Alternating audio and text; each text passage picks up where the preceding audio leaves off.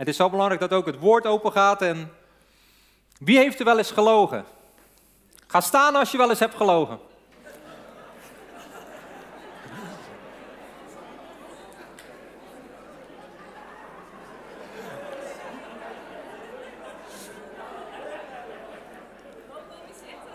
Oei, oei, oei, oei, oei, oei.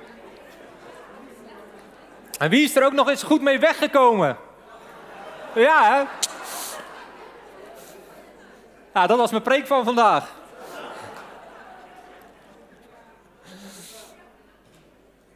Ja, we gaan verder over Abraham. En dat is zo'n tekstgedeelte waar je denkt, wat moet ik daarmee? Het lijkt alsof dat je liegt, dat je enorm gezegend wordt. Dus maar goed dat ik niet vijf minuten preek, want dan had je dat eruit kunnen halen. Maar ik wil u vragen om op te zoeken Genesis 12 vanaf vers 10. En ben je hier voor het eerst van harte eh, welkom. Ik ben bezig in een serie over Abraham. En de eerste keer heb ik het gehad over Genesis 12, vers 1 tot 3, over de belofte die God gaf aan Abraham voor de generaties. De tweede keer over wat Abraham doet, dat hij een altaar bouwt en de naam des Heren aanroept. En nu gaan we verder in hoofdstuk 12.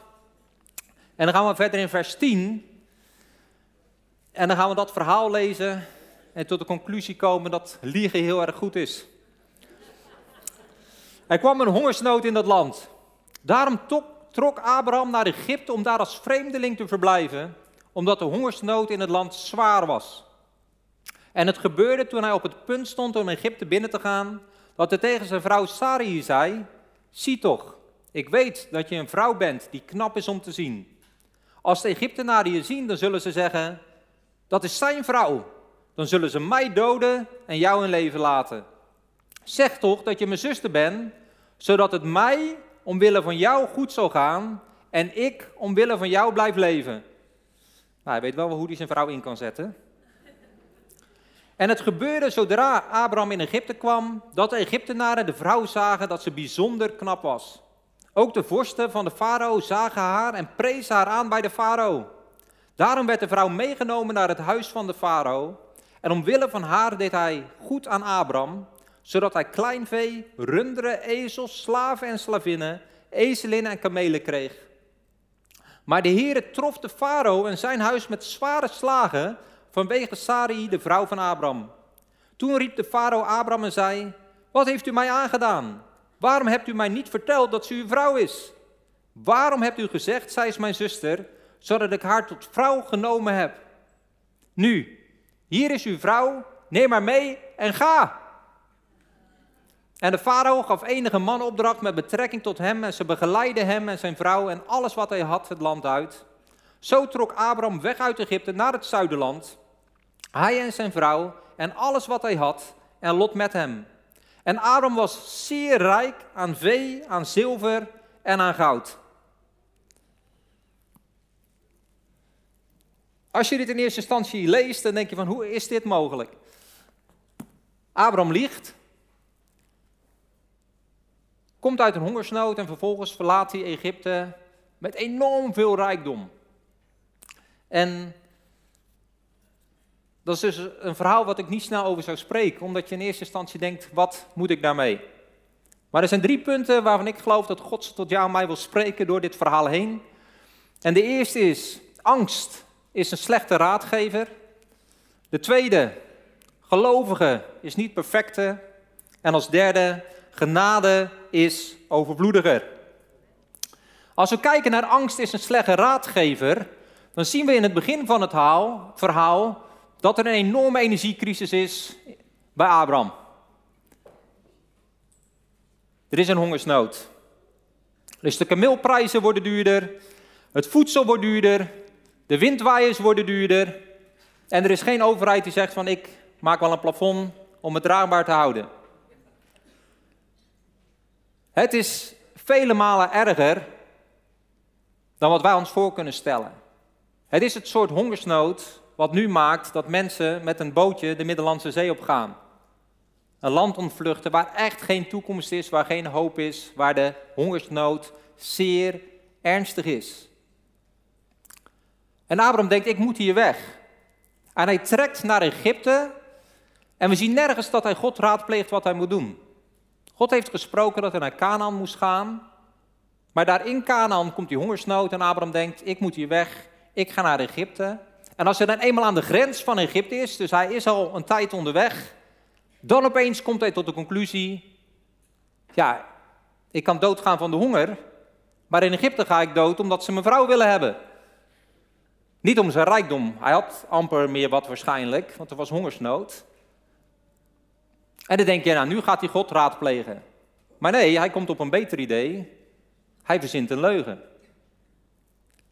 En hij liegt over zijn vrouw dat ze zijn zus is, wat nog half waar is ook. Hè. De meeste leugens van jou zullen waarschijnlijk ook half waar zijn geweest. Die van mij in ieder geval wel. En hij denkt op die manier behoud ik het leven. Maar we kunnen dit snel lezen en denken, wat een sukkel. Maar denk je even in hoe bang je moet zijn om de vrouw waarvan we weten dat hij van haar hield, te zeggen: ga maar met die ander. Het zou voor mij een nachtmerrie zijn dat Daphne met iemand anders naar bed zou gaan. Laat staan dat ik dat zou aanbevelen. Hoe bang moet je zijn om dit te doen?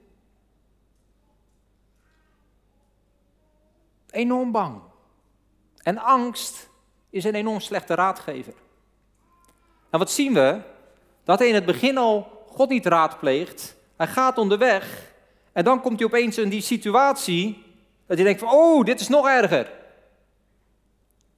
En is daar niet opeens die quick fix. Er is daar geen openbaring. Er is daar geen engel. Maar hij neemt gewoon die beslissing. Omdat hij bang was dat hij gedood zou worden. En ik denk dat dat een reële gedachte is. Dat dat best hem had kunnen gebeuren. Komen we later nog wel even op terug.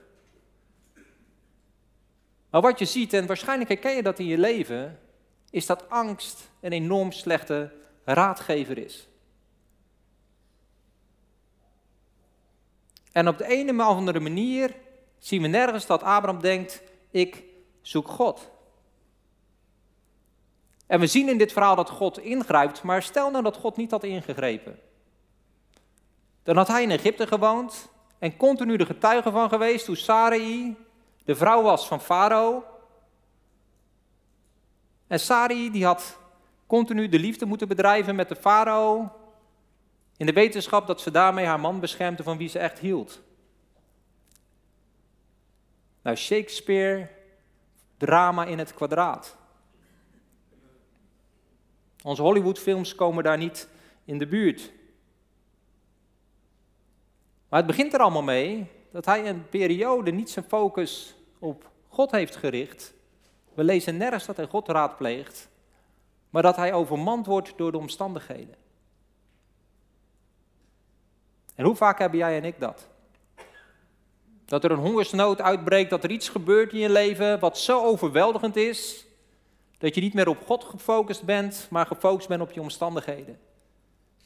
En in het begin weet je er nog uit te komen, je gaat op weg naar Egypte, maar dan opeens zit je op een punt dat er nog iets komt of je moet een keus maken.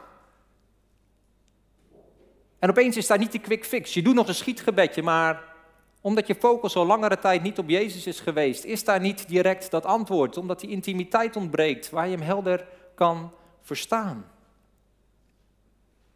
En je neemt beslissingen die pijnlijk zijn. Angst is een slechte raadgever.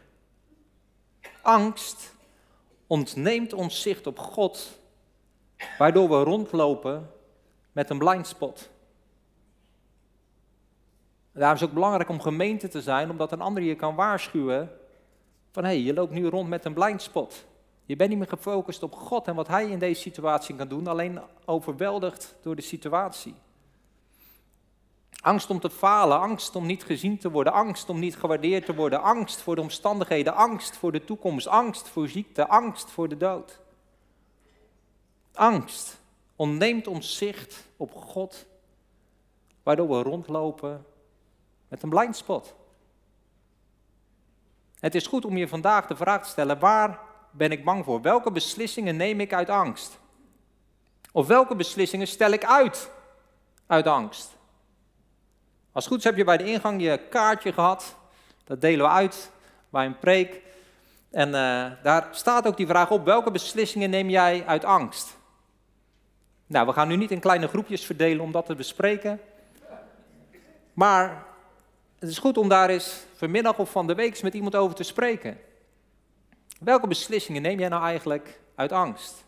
Of welke, dan geloof ik ook dat voor iemand is, beslissing neem je maar niet, stel je maar uit, uit angst.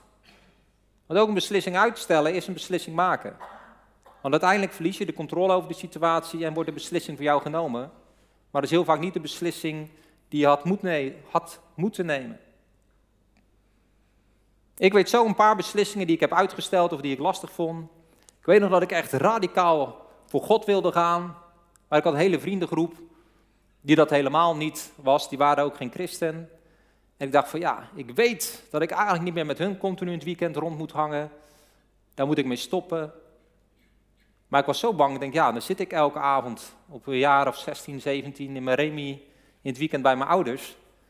Hoe aardig ze ook vind, dat is nou niet hoe ik mijn weekend door wil brengen.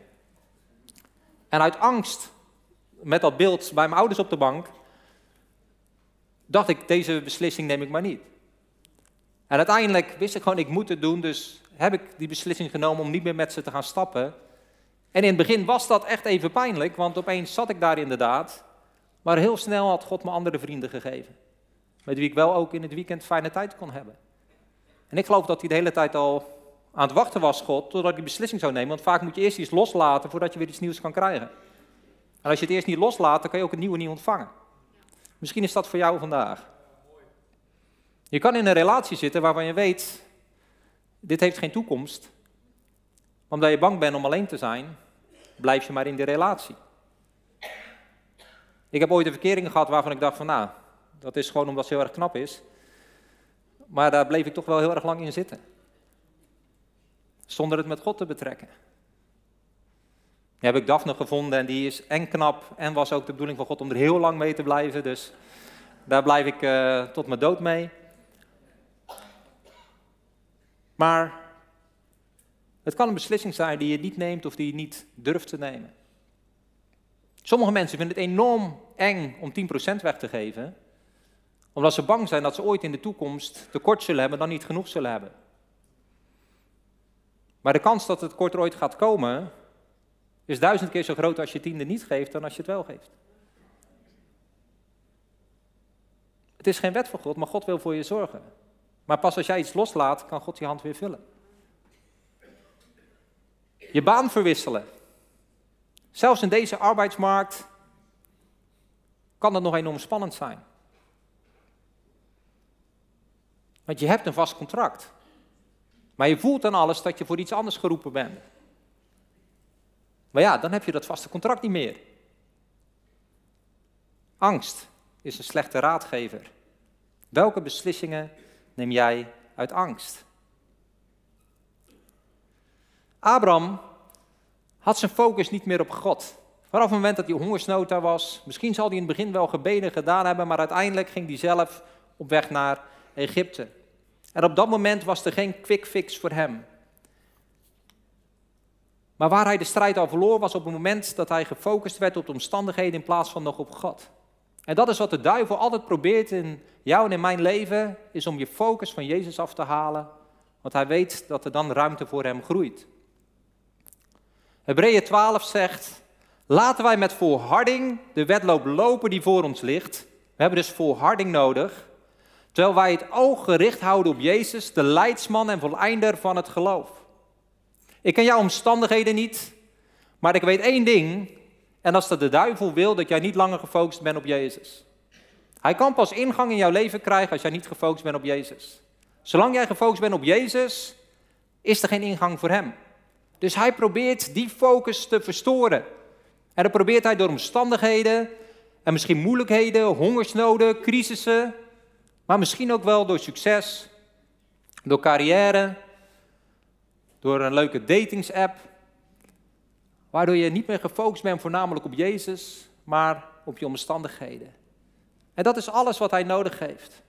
En daarom vandaag weer die oproep. Richt je oog vandaag omhoog naar de leidsman van jouw geloof. Dat is de plek waar je moet zijn. Dus laat niet door angst of andere dingen je blik roven van Jezus, maar houd in alle tijden in die wedloop je blik gefocust op Jezus. Tweede punt, gelovige is niet perfecte. Abraham is de vader van de gelovigen, maar hij is niet perfect. We zijn nog maar in hoofdstuk 12 en daar gaat zijn eerste fout al, maakt hij al. En we gaan nog naar andere hoofdstuk en dan zien we nog veel meer fouten die hij maakt.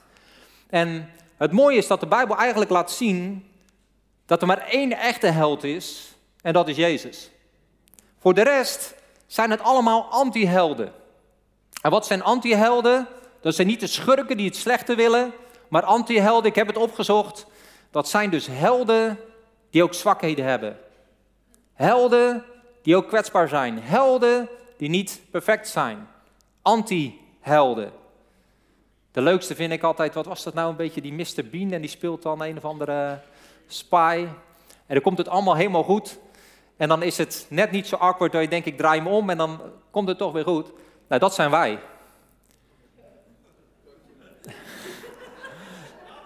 Jezus is de echte Superman. En wij klungelen, maar door Gods genade en door de God in ons leven werkt, komen de mooie dingen tot stand. Wordt uiteindelijk de wereld gered. Nou, nu heb ik ook wel eens de wereld gered. En daar heb ik een filmpje van en dat wil ik jullie even laten zien. Hij zegt dat hij echt een superheld is. En kijk, hij zegt dat hij hier de aanlevering heeft. En toen vroeg ik, bent u mooi geweest? En we zei, een paar keer. Wacht, bent u eigenlijk met de raketten geweest? Heb ik gewoon zo. Kan ik niet nodig. eens vliegen? Ik was ochtends ben ik toch alweer terug. Nu kwam het vanaf. Kan u ook de superheld nu doen? Nee, Kan u nog vliegen? dat was te gevaarlijk. Met mijn kinderen erbij. Dan ik niet. Dan moet super lang in nacht komen. Maar papa, als ik dan opblijf, dan zitten we al te slapen. Ik begrijp er niks van. Is het echt waar? Nee, jullie al nee. heel diep slapen, dan ga ik opeens. Dan ben ik super. Maar het is altijd dat ik weer terug ben voordat jullie wakker maak. Oh nee, ik moet dromen denk ik. Ik ik moet dromen. Ik ben super. Meent u het? Het is het. Nou, nou. Maar alleen mama gelooft dit niet. Echt? Ik weet nog niet zo erg zeker. Wat? Nou, Wil jij het wel geloven dat papa een superheld is? Denk je dat het de waarheid is wat hij vertelt? denk ik niet. Waarom niet? Nou kijk. Ik denk. Want ik heb nog nooit zien vliegen. Dus ik denk dat het echt niet waar is.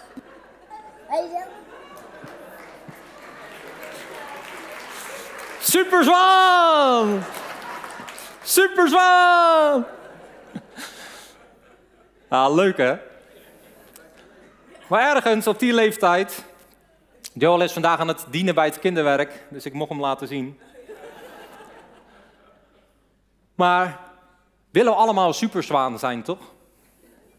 Of nou, geen superzwaan, maar superman.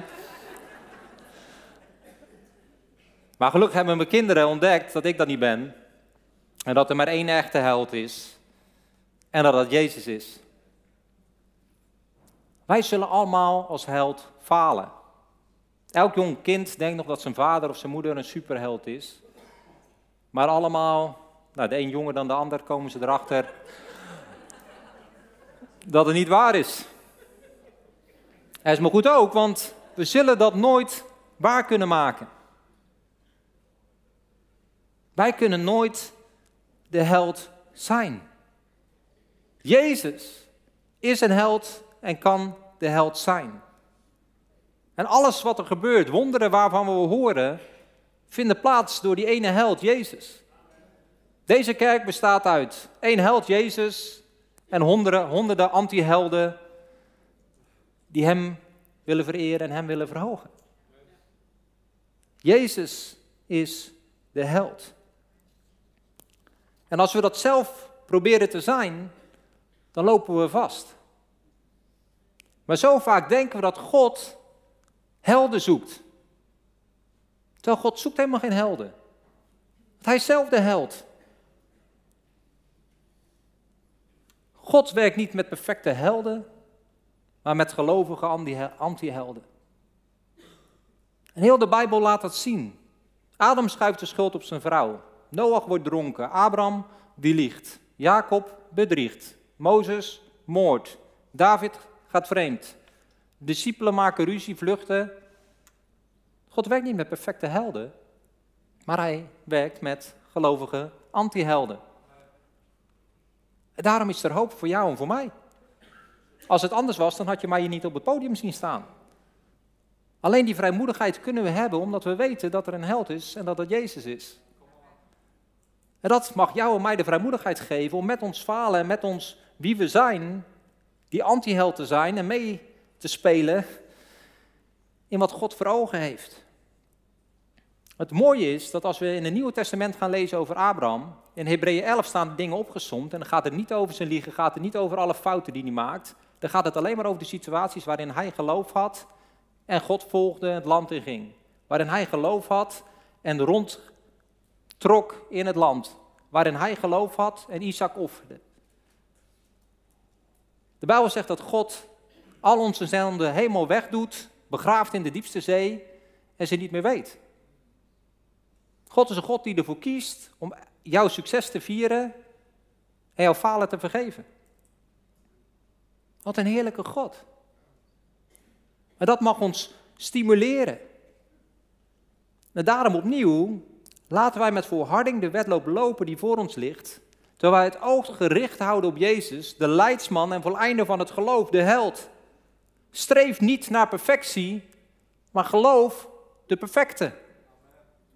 Richt vandaag je oog weer omhoog naar de leidsman, de held van jouw geloof. Jezus. Het laatste punt. Genade is overvloediger. Dat is toch het meest bizarre aan het verhaal, is dat Abraham liegt en dat Farao gestraft wordt. Vanmorgen hadden mijn kinderen nog ruzie, maar ik wist niet wie ik straf moest geven, want ik wist niet wie de loog. Maar het bizarre is dat hier heel erg duidelijk is dat het Abraham is die liegt, maar ook heel erg duidelijk is dat het Farao is die straf krijgt. Nou, dat moet ik thuis niet uithalen. Nou, ik zeg nee, inderdaad, Joel, je hebt gelogen, Elisa, nu naar je kamer. Waarom doet God dit? God heeft Abraham een belofte gegeven en geen zonde kan dat kapot krijgen. God heeft Abraham beloofd dat hij samen met Sarai, niet de farao met Sarai, nageslacht zou hebben waardoor God uiteindelijk Jezus zal brengen en de redding naar deze aarde zal komen.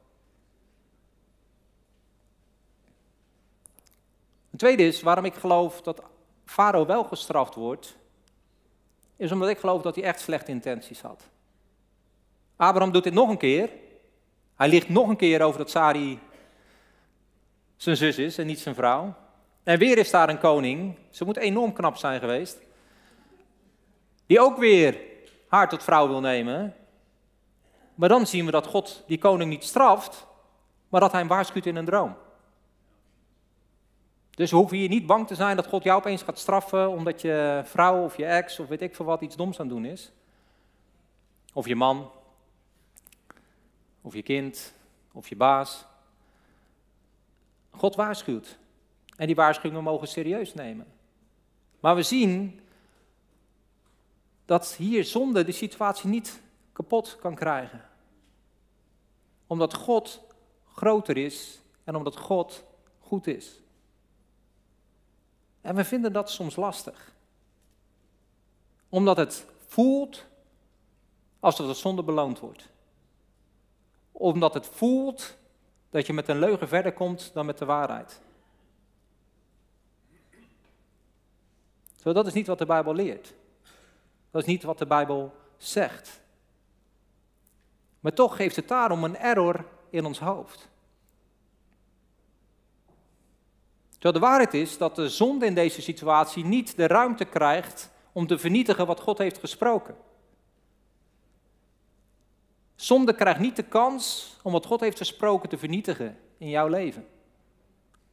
Zijn genade is overvloediger om het te keren waar God tot zijn doel kan komen en wat Hij in jouw leven heeft gesproken. Als je vreemd gaat en God op een enorm bizarre en wonderlijke manier je huwelijk herstelt, dan verwacht ik niet dat je advies gaat zijn tegen jonge getrouwde stellen. Ja, je moet vreemd gaan. Want dan zie je echt hoe God werkt. Nee, waarschijnlijk ben je zo vernederd.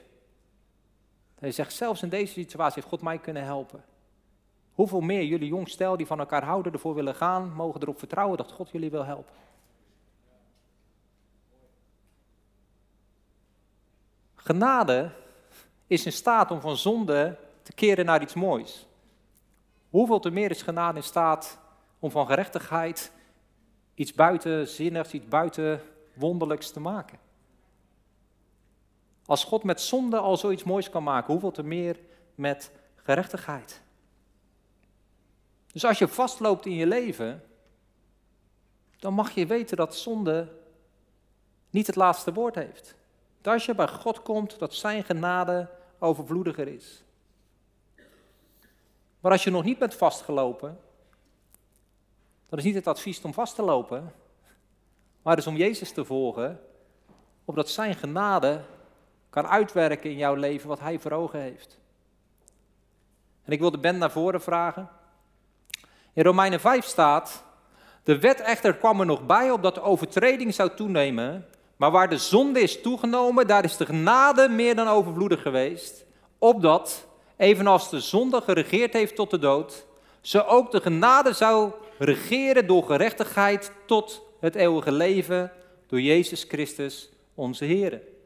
Dus waar zonde is, is genade overvloediger geworden, maar daar waar genade gaat regeren, wat gaat daar regeren? Niet zonde, maar gerechtigheid tot het eeuwige leven. De zonde tilt je op om je in staat te stellen om gerechtvaardigd te gaan leven.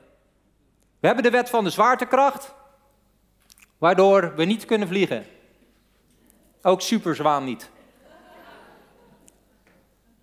Maar er is een andere wet, en volgens mij, ik heb het vanmorgen nog opgezocht, de wet van Bernoulli, de liftkracht. En door die wet kan een vliegtuig toch vliegen.